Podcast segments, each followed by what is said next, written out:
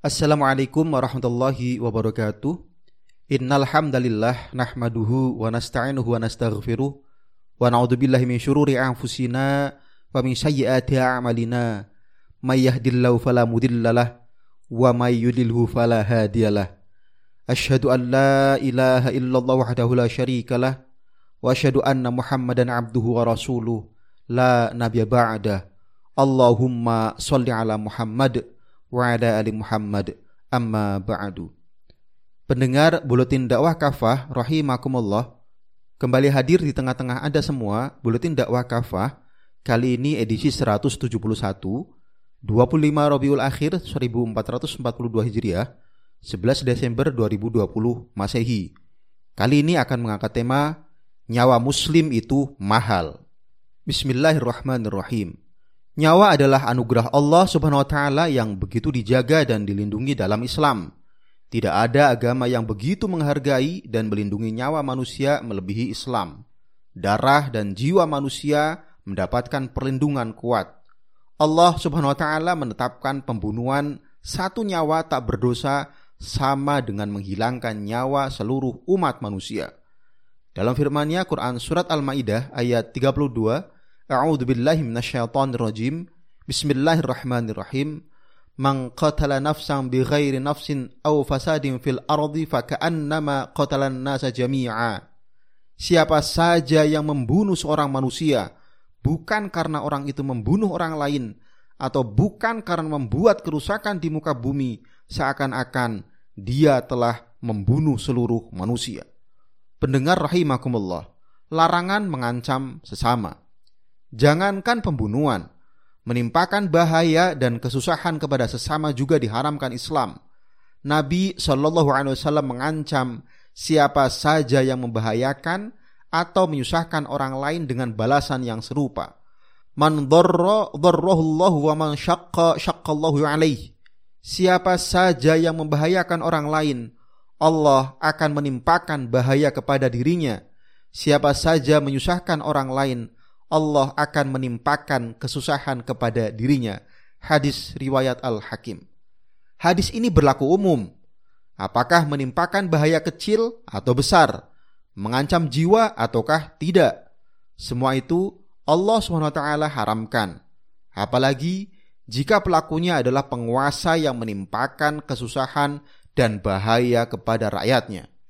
Nabi SAW bahkan mengingatkan kaum muslim untuk berhati-hati saat membawa anak panah ke tengah kerumunan, seperti di pasar, agar tidak melukai orang lain meski tidak disengaja. Beliau bersabda, "Idza marra ahadukum fi masjidina aw fi suqina wa ma'hu nablun falyumsik ala nisaliha aw qala falyaqbid bi kaffih ayusiba ahadan minal muslimina minha syai'un."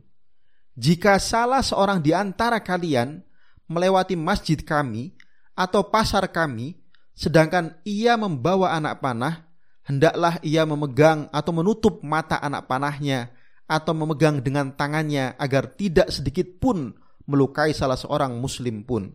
Hadis riwayat Al-Bukhari. Tindakan mengacungkan senjata tajam atau senjata apa saja atau sesuatu yang sekiranya mengancam keselamatan orang lain adalah haram. Bahkan meskipun hal itu dilakukan dengan main-main, hukumnya tetap haram. Dalam hadis penuturan hammam dikatakan, Sami'atu Aba Hurairah anin Nabi sallallahu alaihi wasallam qala la yushiru ahadukum ala akhihi bisilah fa innahu la yadri la'alla syaitana yanzi'u fi yadihi fa yaqa'u fi hufratin minan nar. Aku pernah mendengar Abu Hurairah berkata, bahwa Nabi Shallallahu Alaihi Wasallam bersabda, janganlah salah seorang di antara kalian mengarahkan pedangnya kepada kawannya.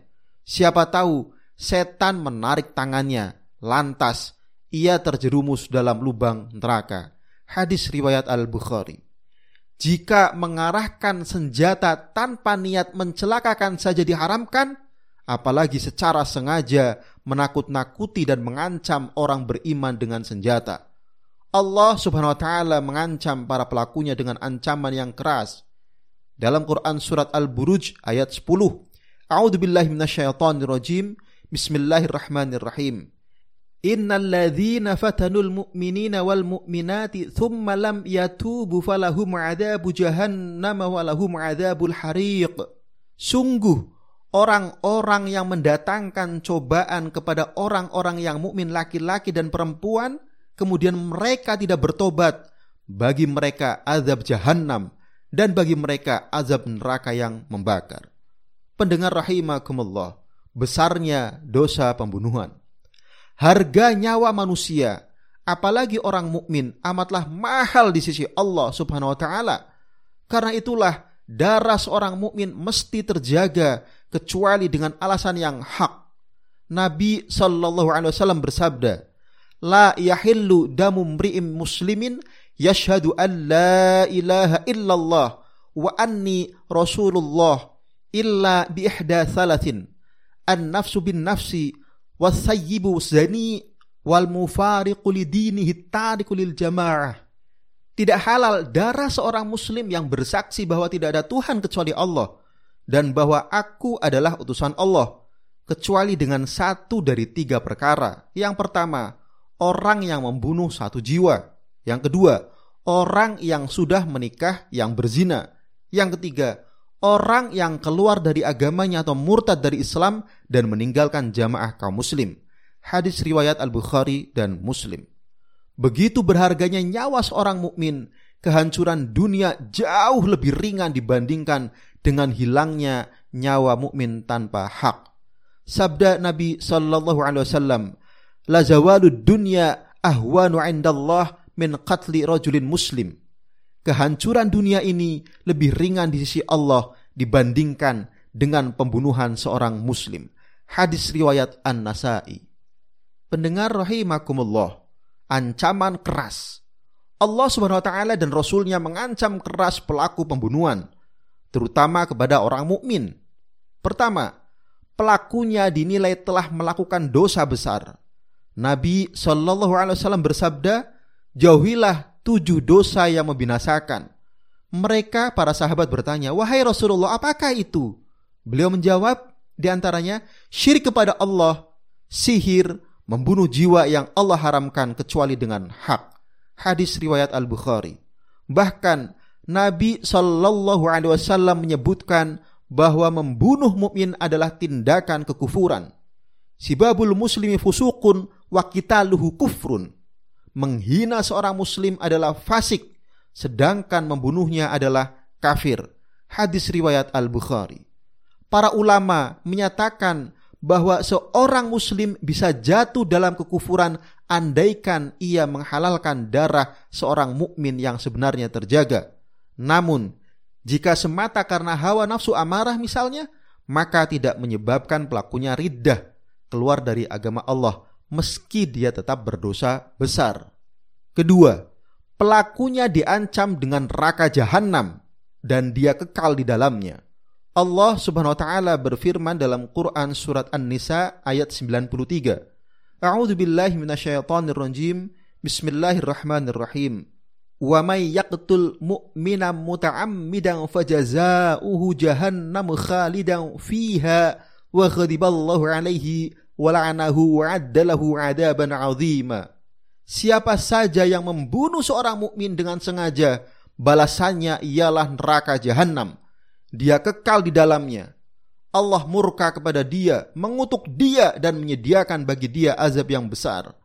Yang ketiga, jika pelakunya banyak, maka seluruh pelakunya akan diazab dengan keras. Rasul Shallallahu Alaihi Wasallam bersabda, "Lau anna ahlas samai wa ahlal ardi istama'u ala qatli muslimin laqabbahumullahu jami'an ala wujuhim finnar. Andai penduduk langit dan penduduk bumi berkumpul membunuh seorang muslim, sungguh Allah akan membanting wajah mereka dan melemparkan mereka ke dalam neraka. Hadis riwayat At-Tabrani. Keempat, para pembunuh akan dituntut pada hari kiamat oleh para korban pembunuhan mereka. Di dunia sering para pembunuh kaum mukmin lolos dari jerat hukum atau malah mendapatkan pembelaan dan perlindungan hukum dari para penguasa. Namun, Tidak demikian pada hari akhir. Nabi sallallahu alaihi wasallam bersabda, "Yaji'ul qatil wal maqtulu yaumal qiyamati muta'alliqun bi ra'sin sahibih." Wa fi lafdhin yaji'u muta'alliqan bil qatili tashkhabu awdajuhu daman. Yaqul, "Rabbi sal hadha lima qatalani." Pembunuh dan korban yang dibunuh akan didatangkan pada hari kiamat dengan menenteng kepala temannya atau pembunuh.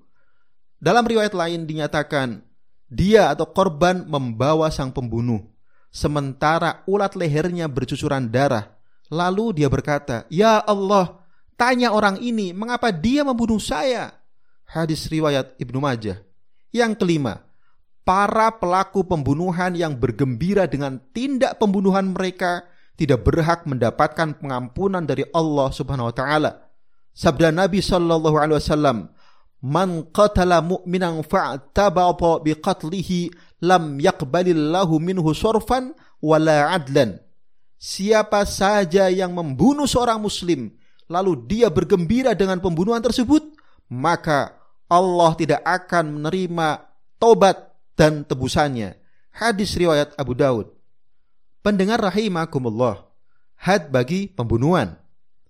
Untuk mencegah pembunuhan yang disengaja, Islam memberikan sanksi yang keras berupa hukuman kisos kepada pelaku pembunuhan.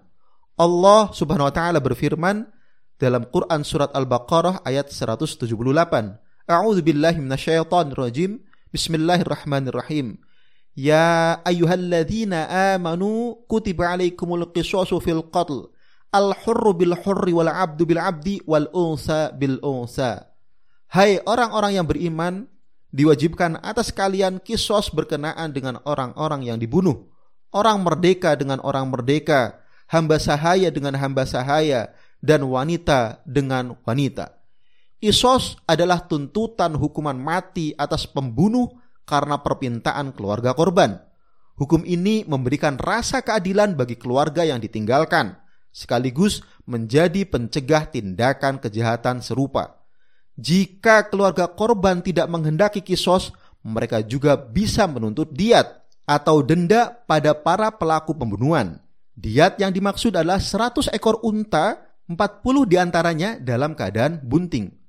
Begitulah mulianya syariah Islam dalam melindungi nyawa manusia. Karena itu, sepanjang negara Islam tegak sejak Nabi Muhammad SAW di Madinah, kemudian dilanjutkan oleh Khulafaur Rasyidin, kaum muslim mendapatkan perlindungan yang luar biasa.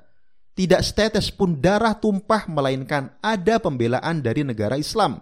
Bahkan para pelaku kriminal pun masih mendapatkan perlindungan sampai kemudian terbukti mereka bersalah di pengadilan dan layak mendapatkan hukuman setimpal termasuk hukuman mati ironi yang kita rasakan hari ini. Betapa nyawa muslim tidak terjaga dan tidak mendapat perlindungan dan pembelaan. Bahkan seolah-olah ada opini bahwa darah seorang muslim itu murah dan boleh ditumpahkan kapan saja. Cukup melabeli mereka dengan sebutan radikal atau teroris, maka kehormatan dan darah mereka bisa dirusak kapan saja. Wal'iyadu billah. Alhasil, terbukti bahwa sistem sekuler yang diterapkan saat ini dengan konsep hak asasi manusia dan demokrasinya telah gagal melindungi kehormatan dan nyawa manusia. Saatnya sistem sekuler dicampakkan. Saatnya umat kembali pada sistem Islam yang menerapkan syariah Islam secara kafah dalam seluruh aspek kehidupan. Wallahu alam biswab. Demikian materi buletin kafah edisi 171 dengan tema nyawa muslim itu mahal. Semoga Allah senantiasa melindungi kita dan segera menangkan agama Islam ini. Terima kasih. Assalamualaikum warahmatullahi wabarakatuh.